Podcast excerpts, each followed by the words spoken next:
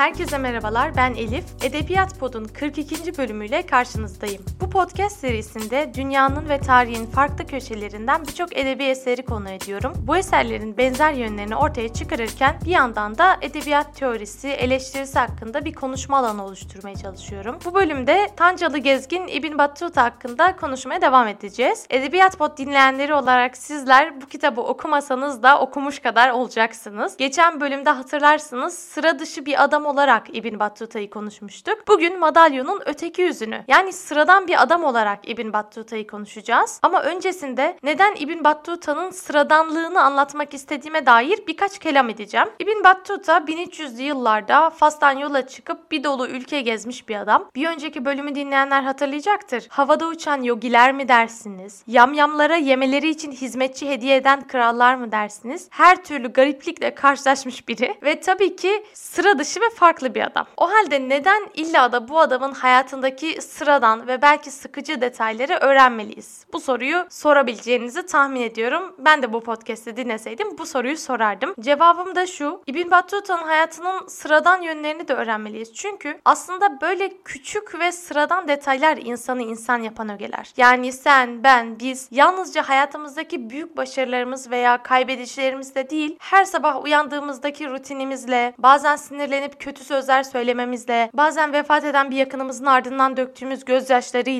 bazen de aşık oluşumuzda, sıkı sıkı sarılışımızda insanız. Bu küçük detaylar bizim insanlığımızı ortaya koyuyor. Bu yüzden de küçük detayların sıradan olarak görünen, günlük hayatın parçası olarak görülen noktaların öne çıkarılması gerektiğini düşünüyorum. Gelecekte bununla ilgili de başka bir bölüm yapma planım var. Şimdiden e, müjdesini ya da haberini vermiş olayım. Burada benim sıradan insanların hayatı ya da garip insanların sıradan hayatıyla kastettiğim şey podcast'in önceki bölümlerinde de bahsettiğim bir kavram. Mikro tarih kavramı. Bu noktada mikro tarih çok çok önemli bir rol oynuyor. Çünkü mikro tarih bireylerin, ailelerin, toplulukların veya daha dar ölçekteki olayların tarihini inceleyen bir yaklaşım. Geleneksel tarih çalışmalarından farklı olarak büyük ulusal söylemleri ya da küresel olayları incelemek yerine daha öznel ve daha yerel olaylara odaklanıyor mikro tarih. Bu yolla da bireylerin ve toplulukların deneyimlerini, duygularını, günlük yaşamlarını ve etkileşimlerini anlamaya amaçlıyor. Mikro tarihin kaynağı ise mektuplar, günlükler, resimler, anılar, aile kayıtları gibi kişisel ve yerel belgelerden oluşuyor. Yine Edebiyat Pod'un biyografi yazmak veballi bir iştir başlıklı 31. bölümünde konuştuğumuz gibi bu bahsettiğim kaynakların birçoğu ego doküment olarak adlandırılıyor. Yani kişinin kendine dair bıraktığı izler. Seyahatnameleri de bir ego doküment olarak okuyabiliriz tabii ki. Biz de bu bölümde İbn Battuta'nın seyahatnamesini bir ego doküment olarak inceleyeceğiz ve bunu yaparken de okuduklarımın bende nasıl bir etki uyandırdığına ve zaman zaman kendi hayat öykümle kurduğum bağlantılara da değineceğim. Öncelikle İbn Battuta'nın doğduğu tarihten başlayalım o zaman. İbn Battuta 24 Şubat 1304 tarihinde doğuyor. Kendisi bir balık burcu.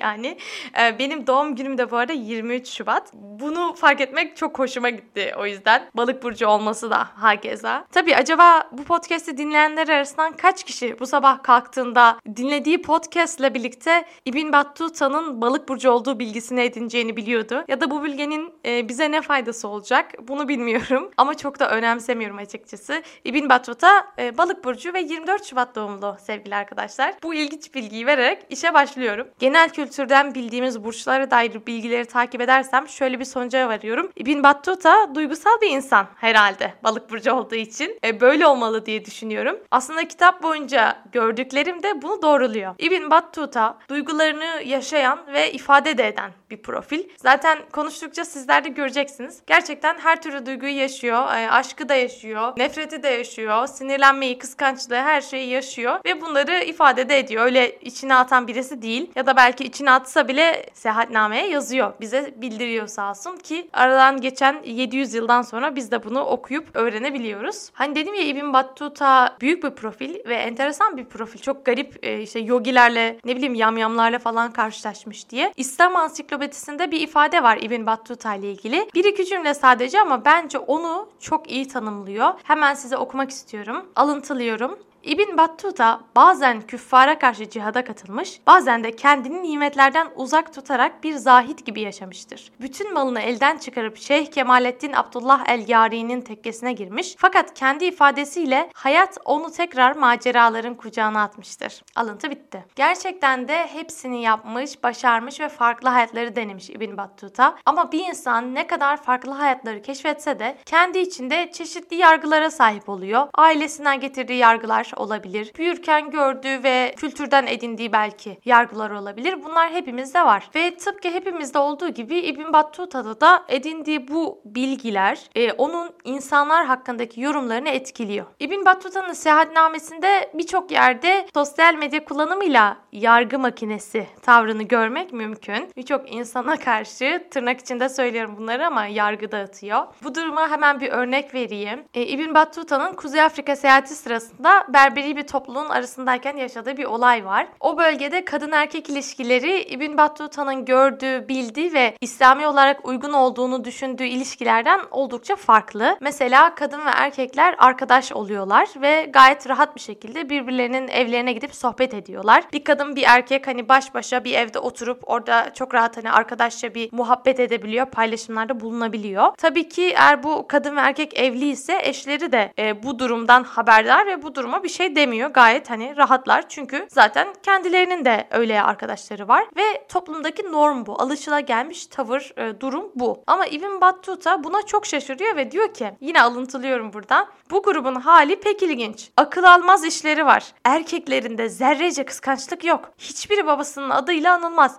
Herkes dayısının adıyla anılır. Alıntı bitti. Devamında bu sefer kadınlara geçiyor. Yani gerçekten İbn Battuta'nın yorumları mükemmel. Hani arkadaş olmak isteyeceğim birisi olabilirdi. Tekrardan alıntılıyorum. Kadınlarına gelince vaktinde namaz kılmalarına rağmen erkeklerden çekinmeyen, kaç göç yapmayan hanımlardır. Buralı kadınlar namahrem erkeklerle arkadaş olabiliyorlar. Erkekler de namahrem kadınlarla bir araya geliyor, sohbet ediyorlar. Adam evine geldiğinde hanımını bir erkekle sohbet ederken bulur da hiç yadırgamaz. Bu ne biçim iş? Alıntı bitti. e, İbn Battuta'nın bu ne biçim iş isyanı ve e, naralarıyla sonunda böyle ünlem olan cümleler. Burayı bitirdim. E, buralardaki özellikle bu ne biçim iş gibi hani kullanımlar çok hoşuma gidiyor. İbn Battuta'nın çeşitli kadınlara dair yorumlarını okumaya da devam edeceğim. Çünkü kadınlarla ilgili görüşleri çok enteresan ve İbn Battuta'yı katiyen kadın düşmanı ya da kadınları farklı daha aşağı bir seviyede gören biri olarak göremeyiz. Zaten metinde göreceksiniz. Yorumları genelde hep kendi kültürel ögelerinden ve İslami eğitimden yola çıkarak yaptığı yorumlar ama hep bir şaşkınlık seviyesinde kalıyor. Nasıl anlatsam o tatlı çizgide kalıyor. O yüzden beni okurken hiç rahatsız etmedi ve çok hoşuma gitti. Çok keyifli geldi bana bunları okumak. Ama e, bu kadınlarla ilgili diğer anılara geçmeden önce başladığımız Berberi kabilesini bitirelim. İbn Battuta'nın bu bölgeye yolculuk yaparken tanışıp aynı kafilede yolculuk yaptığı bir arkadaşı var. O da bu Berberi kabilesinden bir kişi. Bir gün onun yanına gidiyor ve evinde bir kadın ve bir erkeğin yan yana oturmuş muhabbet ettiğini görüyor. Hemen arkadaşına soruyor. Bu kadın kim diyor. Arkadaşı da cevap veriyor. E, karımdır Hmm, bu kişi benim karım. E peki bu adam kim? O da karımın arkadaşıdır. Gayet hani adam rahat bir şekilde ona göre bu çok normal bir şey çünkü cevaplıyor. Ama bunu deyince İbn Battuta çok sinirleniyor ve adama çıkışıyor. Sen bizim ülkemizde oturdun. Dini konuları bildiğin halde bu işe nasıl razı oluyorsun? Bunun üzerine adam hiç beklenmedik bir cevap veriyor bizim seyyaha. Diyor ki bizde kadınların namahrem erkeklerle edebini koruyarak sohbet etmesine ses çıkarılmaz. Şüpheyle bakılmaz. Onlar sizin ülkenizin karıları gibi değil. Of. of of of olaylar kızıştı. Arapçasında nasıl geçiyor bilmiyorum ama bizim çevirmenin onlar sizin ülkelerinizin karıları gibi değil şeklinde çevirmesi bence yetkin bir çeviri açıkçası. İşler böyle bir kızışıyor İbn Battuta ile arkadaşı arasında. Sonra tabii bu laf üzerine kendi ülkesinin kadınlarına da yani laf geldiği için İbn Battuta çok bozuluyor, çok rahatsız oluyor. Sonrasında seyahatnamesinde şöyle yazıyor bu adamla ilgili. Alıntılıyorum. Herifin ahmaklığına hayret ettim. Çıkıp gittim ve bir daha uğramadım ona. Defalarca beni çağırdıysa da kabul etmedim. Alıntı bitti. Resmen bir arkadaşlığın solup gitmesine şahit oluyoruz bizler de. İbn Battuta aynı zamanda fıkıh ilmiyle ilgilenen bir alim. Bu yüzden de İslami kuralların ve sınırların aşılması konusunda çok tepkili. Ama bana sorarsanız yine de çok açık fikirli bir insan. Çünkü sayısız milletle tanışıyor yolculuğu boyunca ve bu arkadaşı gibi saygısızlık yapmayanlara hariç hepsiyle iyi ilişkilerini sürdürüyor. Yani burada aslında İbn Battuta'yı sinirlendiren ve o arkadaşıyla görüşmeyi bırakmasını sağlayan şey bana sorarsanız yani İbn Battuta'yı bu kadar tüm kitabı okuyup artık böyle bir e, yakınlaştıktan sonra onunla arkadaşının bu saygısız cevabı hani onun ülkesinin kadınlarına karşı yaptığı bu saygıda eksiklik diyelim. Ben böyle düşündüm. Tekrar buradan bir kadınlar meselesine dönelim isterseniz. İbn Battuta'nın yaşadığı en büyük şaşkınlık, kadınlara dair yaşadığı en büyük şaşkınlık Maldivler'de kadılık görevi yaparken oluyor. Çünkü İbn Battuta uzun bir süre Maldivler'de kadı olarak çalışıyor ve Maldivler halkından hep böyle olumlu sıfatlarla söz ediyor ve onları İslami hayat yaşama açısından çok takdir ediyor. Sayfalar boyunca onların bu yaşam biçiminden övgüyle bahsediyor. Kafasına takılan sadece bir konu var. O da kadınların giyimi. Çünkü bu bölgedeki kadınlar zaten saçlarını örtmüyorlar. Ama bunu geçelim göğüslerini de örtmüyorlar. Belden aşağıya erkekler gibi bir peştemal dolayıp ortalıkta bu şekilde dolanıyorlarmış. Göğüsleri açıkta dolanıyorlarmış. Tabi düşünün yani İbn Battuta başörtüsü takmamayı garipserken bir anda göğüsleri açık ortalıkta dolaşan bir kadınlar var ve bir noktada bayağı ibadetlerini yapıyorlar. İslami bir hayat yaşıyorlar. Hakikaten onun için e, çok çetrefilli bir durum söz konusu. İbn Battuta da bölgenin kadısı olarak bu adeti kaldırmak ve kadınların daha örtülü bir kıyafet giymeleri için çok uğraşmış ama nafile ile bir değişiklik olmamış. Bunu da şöyle ifade ediyor kendisi. Maldiv'de bana kadılık görevi verildiği zaman bu adeti kaldırmaya, kadınlara elbise giydirmeye çok çalıştım. Ama başaramadım. Fakat hiçbir kadını bedeni iyice kapalı olmadığı sürece huzuruma kabul etmez, davasına bakmazdım. Ne yapayım? Bundan ötesine gücüm yetmedi. Özellikle burada kendi çabasını anlatıp anlatıp da ne yapayım? Bundan ötesine gücüm yetmedi demesi aslında İbn Battuta'nın kendini hesaba çektiğini de gösteriyor bize. Yani görevim kadı olarak bu kadınların örtülmesini sağlamaktı. Denedim uğraştım ama başaramadım diye açıkça söylüyor. Hani bir öz eleştiri de yaptığını söyleyebilirim. Yine Maldivlerden ve kadınlardan devam edelim. Önceki bölümden hatırlarsınız İbn Battuta Maldivlerdeyken Hindistan ceviziyle tanışıyordu. Benim favori noktalarımdan biri zaten kitaptaki bu. Ve bu meyve onun aklını başından alıyordu hatırlarsınız. Hindistan cevizinin faydalarını uzun uzun anlatıp işi içecek tarifi vermeye kadar götürüyordu. Bu faydalardan belki de en önemlisi İbn Battuta Battuta'nın anlatımına göre tabii Hindistan cevizinin afrodizyak etkisine sahip olması. İbn Battuta bu noktayı defalarca anlatıyor ve örnekler de veriyor. Hatta şöyle şeyler söylüyor. Bilmem şu krala şöyle faydası olmuş. Bilmem şu kral bunu içmiş de Hindistan cevizi yemiş de böyle işte cinsel gücü artmış, afrodizyak olmuş falan diye hakikaten çok fazla anlatıyor. Bu noktayı çok çok vurguluyor. Ama bir yerde kendi evliliklerinden ve eşlerinden de bahsediyor. Kişisel hayatıyla ilgili olduğu için ben asıl orayı noktayı vurgulamak istiyorum burada. Hemen okuyorum sizin için. Hindistan cevizinden elde edilen bu ürünlerin tümünde ve onların sürekli yedikleri o balıkta müthiş bir afrodizyak etki vardır. Eşi benzeri yoktur bu hususta. Adalar halkının mevzu ile ilgili acayip meziyetlerinden bahsedilir. Oradayken cariyelerim dışında dört eşim vardı. Her gün tek tek hepsine uğrardım. Geceyi ise nöbeti olan hatunun yanında geçirirdim. Maldiv adalarında bir buçuk sene işte böyle yaşadım. Yani şimdi bu podcast umuma açık bir şey olduğu için e, burada çok gülüp eğlenmek istemiyorum bu konularda ama ilgi çekici olan şey şu. Cinsel hayatı mahrem bir şey olarak görürüz değil mi? Hepimiz hepimiz öyle görürüz tabii ki. Ve mahremdir de yani e, bence. Ben de öyle görüyorum. Bu yüzden de 1300'lü yıllarda bir gezginin kendi cinsel hayatı ve performansı hakkında bu denli açık konuşması beni şaşırttı. Bu cariye meselesi de çok kritik. Çünkü o dönemde İbn Battuta'nın gittiği her ülkede Müslüman ya da Hristiyan bir yönetim olması fark etmeksizin cariye ve köle piyasası diyelim çok canlı. Krallar, hükümdarlar İbn Battuta'ya köle ve cariye hediye ediyorlar mesela. Bu açıdan bunun içinde bulundukları dönemle ilgili olduğunu özellikle belirtmek istiyorum. Çünkü aksi takdirde tüm doğulu gezginleri sapıklıkla, e, kadın ve şehvet düşkünlüğüyle yaftalayan oryantalist algılara kapı açılabiliyor. O dönemde cariye ve köleliğin de çok eşliliğin de oldukça yaygın bir durum olduğunu ve tüm toplumlar tarafından bunun bilindiğini belirtmek isterim. Burada dört eşten bahsetti farkındaysanız. Yine Maldivlerin bir adasındayken düştüğü şöyle bir not var. Burada 70 gün kaldım. iki hatunla evlendim. Oldukça hızlı yaşıyor hayatı gördüğümüz kadarıyla. Zaten şöyle ben açıkçası bir an düşündüm bu podcast'ı hazırlarken. Hani bu adamın kaç eşi olduğu ya da kaç kişiyle evlenip boşandığı cariyeleri saymıyorum. Bunu bir hesaplasam mı diye düşündüm.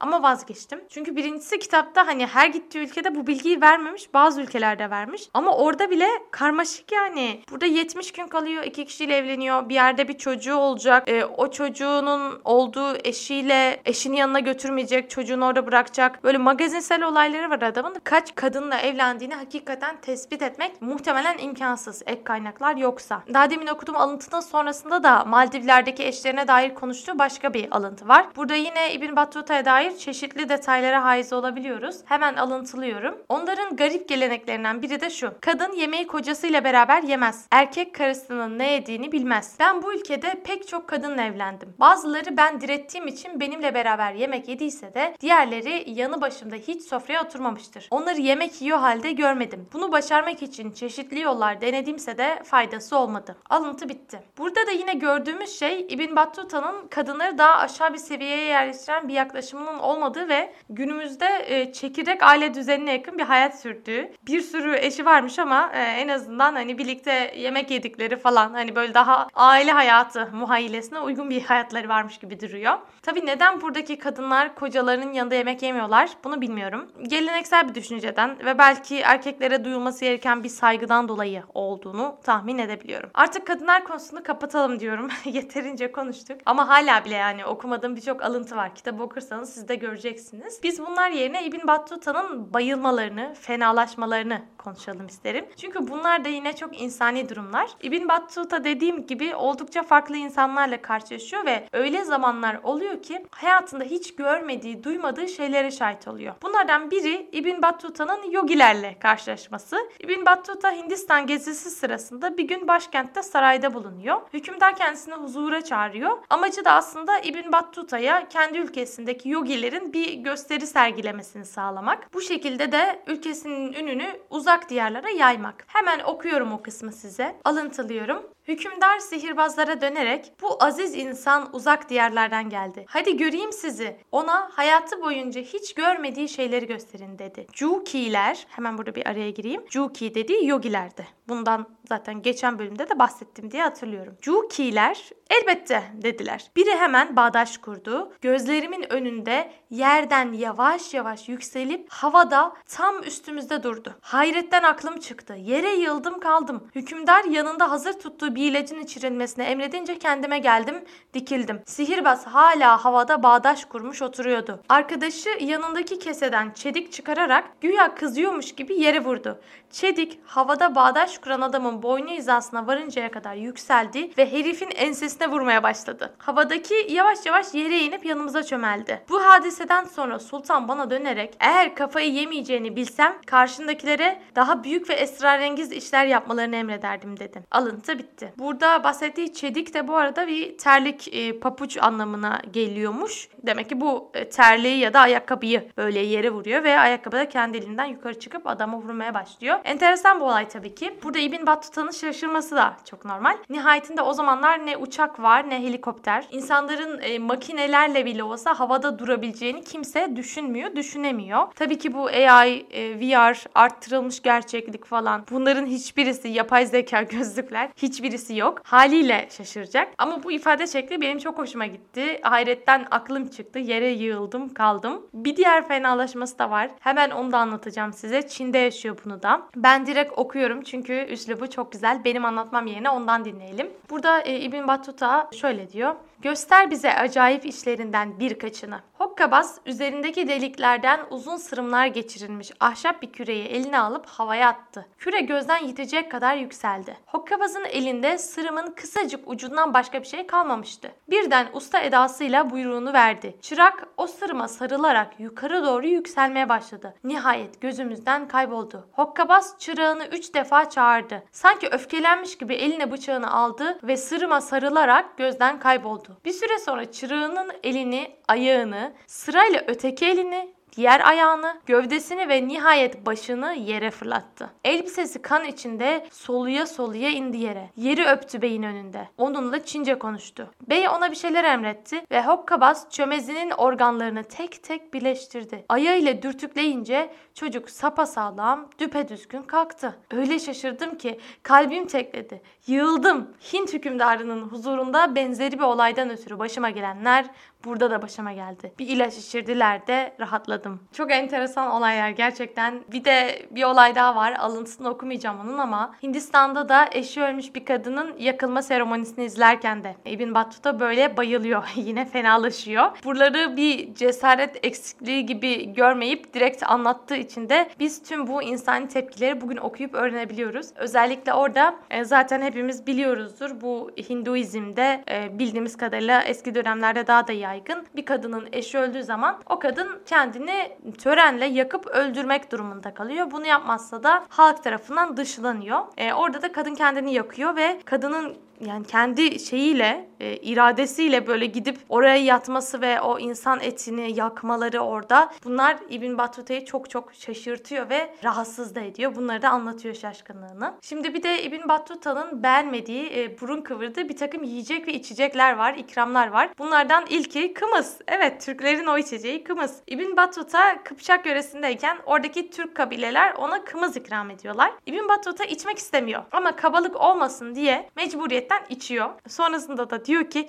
hiç beğenmedim ve bardağı hemen yanımdaki arkadaşlardan birine verdim. Devamında Ruslarla ilgili bir tanımlaması var. Rusları da beğenmiyor açıkçası. Diyor ki Ruslar Hristiyandırlar. Kızıl saçlı, gök gözlü, çirkin yapılı, zalim adamlardır. Böyle net tavırları olan bir insan. Yani direkt çirkin yapılı diyebiliyor birini beğenmediğinde. Politik doğruculuk sıfır. Ama genel olarak gezdiği her bölge ve tanıştığı her milletle ilgili daha kibar yorumlarda bulunuyor. Neredeyse hiçbir bölgeyi körü körüne kötülemiyor. Ya da beğenmediği noktalarını anlatsa da mutlaka beğendiği noktaları da anlatıyor. Zaten tüm kitap boyunca sadece ve sadece Hindistan'da bir şehir hakkında bu şehirden tiksindim diyor. Ama bunun nedeni de şehrin kötülüğü değil de bu şehirde sıtmaya yakalanması ve ölüm tehlikesi atlatması. Onun haricinde hani çok fazla şehir gezdiğini düşünün İbn Battuta'nın. Hiçbirinden bahsederken böyle kötü ifadeler kullandığını ben rastlamadım. Çin'de mesela şöyle bir şey oluyor. Çin'i çok övüyor. Çin'den bahsederken oraların işte bereketli topraklarıdır, şudur budur, e, el sanatlarıdır. Hepsini çok çok anlatıyor ve övgüyle bahsediyor. Ama orayı da sevmediğini itiraf ediyor. Bu sefer sevmeme nedeni de ülkenin çoğunluğunun gavur olması ve gavurlar tarafından yönetilmesi tabii ki. Hatta bu durum onu öyle üzüyor ki bir noktadan sonra zorunlu olmadıkça evinden çıkmamaya ve asla insanlarla görüşmemeye başlıyor. İbn Battuta geniş bir coğrafyayı geziyor tabii ki. Ama öyle ya da böyle aslında onun e, yaşadığı dönem ve bölgeyle de ilgili gezdiği yerlerin birçoğunda Müslümanlar var. Mesela Hindistan'da tabii ki Hindular da var ama Müslümanlar da var misal. Böyle böyle bir şekilde Müslümanları bulabiliyor gittiği yerlerde. E, ama Çin'de uzun bir süre hiç doğru düzgün Müslüman görmeden kalıyor. Bir tek orada böyle farklı küçük Müslüman komüniteleri var. Onlarla karşılaşıyor. Onlarla iletişim kurabiliyor. Yemek olarak beğenmediği şeyler daha çok Afrika'da oluyor. Sadece beğenmeme değil Afrikalıların yemeklerini açıkçası küçük görüyor ve alaya alıyor İbn Battuta. Burada iki alıntı okumak istiyorum. Birinci alıntı şöyle. Daha sonra İvallaten müşerrifi Menşacu kafilede bulunanları ziyafete çağırdı. Katılmak istemediysem de dostlarımın ısrarı üzerine gitmek zorunda kaldım. Getirilen yemek fazla dövülmemiş darının biraz bal ve sütle karıştırılmış haliydi. Bunu kova gibi kullandıkları bir kabağın yarısına kadar doldurmuşlardı. Misafirler çorbamsı yemeği içtiler ve dağıldılar. Ben dostlarıma dönerek zenciler bunun için mi bizi çağırdılar dediğimde elbette onların en büyük yemeği budur cevabını verdiler. O zaman hissettim ki bu heriflerden hayır gelmez ve hemen ivalleten hacılarıyla beraber yola düşmek istedim. Yani yemek zevklerini beğenmediği için bu heriflerden hayır gelmez diye düşünmesi ve hani yemeklerini beğenmedim. Bunlar iyi yemek de yapmıyorlar. Ben burayı terk edeyim deyip yola çıkıyor falan. Kendine yol arkadaşı buluyor. Gerçekten çok özel bir davranış bu. Bir diğer noktada da direkt başlık atıyor. Kitabında hani bölümlerin başlığı var ya. Bir başlık şu. Siyahların kalitesiz ve lezzetsiz ziyafetleri. Çok net. Buradan da bir e, bölüm okuyayım size. Siyahların kalitesiz ve lezzetsiz ziyafetleri. Törenden sonra bana misafirlik hediyesi gönderildi. Bu hediye önce Kadı Efendi'nin konağına getirildi. Kadı da bunu adamlarıyla İbnül Fakih'in evine yollamış. İbnül Fakih evinden seyirterek çıktı. Yalın ayak yanıma geldi. Kalk, hükümdarın kumaşı ve hediyesi geldi sana dedi. Kalkıverdim. Getirilenlerin elbise ve mal olduğunu zannettim. Bir de ne göreyim? Üç yuvarlak ekmek, garti ile kızartılmış bir parça sığır eti ve kesikle dolu bir kabak. Bu manzaraya güldüm de güldüm. Heriflerin akıl noksanlığına şaştım böyle basit bir şeyi bu denli önemsemelerine hayret ettim. Kesik dediği şey bir yoğurt. Aslında ben de bunu ailemden biliyorum. Kesik derlerdi yani. Tabii İbn Battuta gezerken çok yemek yiyor. Çok güzel yemekler de yiyor. Çok ziyafetlere katılıyor. Büyük bir coğrafyanın yemeklerini tadıyor. Damak zevki de artık gelişmiş diyelim. Zaten İbn Battuta kitap boyunca farklı farklı yerlerde sürekli yemek yeme zevkiyle insanların gelişmişlik seviyesi arasında bir bağ kuruyor. Yine başka bir adadayken gemicilerin bir takım kuşları hiç kesmeden pişirip yediklerini görüyor ve diyor ki zaten kuşları kesmeden yediklerini gördüğüm zaman bu adamları gözüm tutmamıştı. Sevmemiştim. E, son olarak yine bazı insani yönlerden bahsetmek istiyorum. Mesela kıyaslama olayı var İbn Battuta'da. Tabi sadece onda değil hepimizde var. Ee, iğneyi kendimize çuvaldızı başkasına batıracağız. Kendimizce rakip gördüğümüz kişileri geçmek istiyoruz. Onlardan daha başarılı olmak istiyoruz. İbn Battuta da kendisi gibi gezginlerle karşılaşınca hemen karşılaştırma yapmaya başlıyor. Bunlardan en önemlisi bence Mısırlı gezgin Abdullah. İbn Battuta onun hakkında diyor ki bu şehirde dervişlerden Mısırlı gezgin Abdullah ile karşılaştım. O yeryüzüne epey gezmiş ancak Sine yani Çin, Serendip adasına yani Seylan adasına, Fas'a, Endülüs'e ve Sudan'a uzanmamıştır. Ben o bölgelere gittiğim için onu geçtim. Çok şeker bir kıyaslama. Evet gördüğünüz gibi hem biraz çocuksu bir karşılaştırma. Ben şuraya şuraya gittim onu geçtim. O buralara uzanamamış gibilerinden. Ama e, hakkı da var açıkçası. Yani adam e, hayatını yollara adamış. Tüm ömrü boyunca gezmiş. Bari bu karşılaştırmayı da yapsın. Birilerinde geçmiş olsun diye insan düşünüyor. Bir diğer noktamız da önceki podcast bölümlerinde sık sık konuştuğumuz güvenilirlik ve hafıza meselesi. Çünkü Evliya Çelebi başta olmak üzere birçok seyyahın kitaplarında anıslandırın abartı olduğu, gerçeklere dayanmadığı iddia edilir. Doğru da olabilir tabii ki ama ben İbn Battuta'yı güvenilir buldum. Çünkü anlattıkları ona göre çok şaşırtıcı olsa da bizim için gerçek olduğuna inanabileceğimiz olaylar genelde. Bir de onu güvenilir bulmamın diğer sebebi de hatırlayamadığı noktalarda bunu açıkça söylemesi ve uydurmaması. Mesela bir noktada şöyle diyor. Ertesi sabah yola koyularak deniz kenarında etrafı ağaçlık ve sulak olan büyük bir şehrin dışında konakladık. Şu anda ismini hatırlayamıyorum. Tabi burada bir sefer hatırlayamıyorum demesi diğer hatırlamadığı şeylere uydurmadığı anlamına gelmiyor. Hani uydurduğu bir şey varsa da ben bunu sonuçta bilemem. Bu uydurdu mu gerçek mi? Garantileyemeyiz yani. Ama yine de böyle belirtilmesi bence bir güvenlik kazandırıyor. Podcast'ın yavaş yavaş sonuna geldik ama son bir alıntıdan daha bahsetmeden geçemeyeceğim. Oldukça uzun bir bölüm oldu. Fakat İbn Battuta bunu hak ediyor. Böyle diyelim. Zaten 3 bölüm yapmamdan anlamışsınızdır. 3 bölümde böyle uzun uzun olacak herhalde. Keyifle dinlemenizi e, umuyorum. Son alıntımdan da bahsedeyim hemen. Evet İbn Battuta dünyayı gezdi. Ama neden gezdi? Tabii ki kendisi meraklı bir insan olduğu için. Ama bunun yanında her ne kadar sık sık mütevazılığını gösteren ifadelerde bulunsa da kendi misyonunun ve dünya politikası üzerindeki etkisinin de farkında. Çünkü o dönemde siz bir hükümdarsanız şahsınızın ve ülkenizin ünü, itibarı belli başlı araçlarla yayılıyor ancak. Televizyon yok, sosyal medya yok, gazeteler bile. Yani gazete yok zaten. Birilerine mektup vesaire bir şey göndermek isteseniz bu bile çok uzun zamanda varıyor. Varabilecek mi belli değil. Bu açıdan haberleşmenin çok kısıtlı olduğu bir dönemden bahsediyoruz. 1300'lü yıllar. Yani sizin ününüz veya ülkenizin ünü nasıl yayılabilir? İtibarınız nasıl duyulabilir? Yaptığınız savaşlar, imzaladığınız anlaşmalar ve benzeri. Ve bunun yanında bir nokta daha var. O da seyyahlar ve tüccarlar. Mobilitenin oldukça kısıtlı olduğu bir dönemde hareket edebilen, ülkeler arası gezebilen bu iki istisnai grup sizinle ilgili bilgileri de taşıyıp diğer ülkelere yayıyorlar. Yani tam olarak ayaklı bir gazete görevi görüyorlar.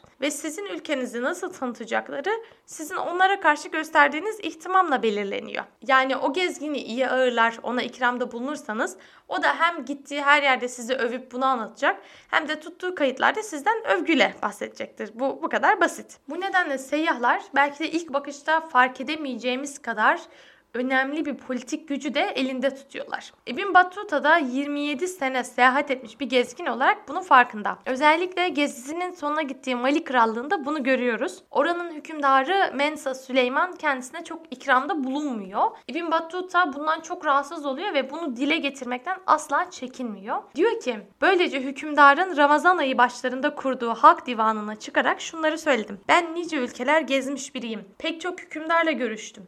Nah şuracıkta senin ülkende de tam dört ay kaldım. Ne misafir ettin beni ne ihsan yağdırdın bana. Diğer hükümdarlara ne diyeyim senin hakkında. Bu şekilde konuşarak adeta hükümdarı tehdit ediyor. Ki tehdidi de işe yaramış olmalı ki hükümdar bu tehditten sonra ona ikramlarda bulunuyor ve yüklü miktarda altın hediye ediyor. Bu da gerçekten bence özellikle bir tarihçi bakış açısıyla çok değerli bir bilgi sunuyor bizlere. Bu bölümde bahsetmek istediklerim bunlardı. Bu şekildeydi. Kitabı okurken sanki o eski zamanların adamı bugün tanıdığım biriymiş gibi, bir arkadaşımmış gibi hissettim. Bu da çok farklı, zaman ötesi, mekan ötesi bir his yaşattı bana. Umarım dinlerken siz de bu hislerimi paylaşmışsınızdır. Ibn Battuta serisinin ikinci bölümünün sonuna geldik. Sırada yalnızca bir bölüm kaldı. O bölümde de Ibn Battuta'nın Anadolu gezisi hakkında konuşacağız. Eminim ki hepimiz kendimizden bir şeyler bulacağız bu gezide. Podcast'ı dinlediğiniz için çok teşekkür ederim. Beni sosyal medyada Elif Nozgun olarak bulabilirsiniz. Edebiyat Pod'un yeni bölümleriyle sizlerle olacağım. Bir daha görüşünceye kadar sağlıkla, mutlulukla, huzurla ve en önemlisi de hayretle kalın. Hoşçakalın.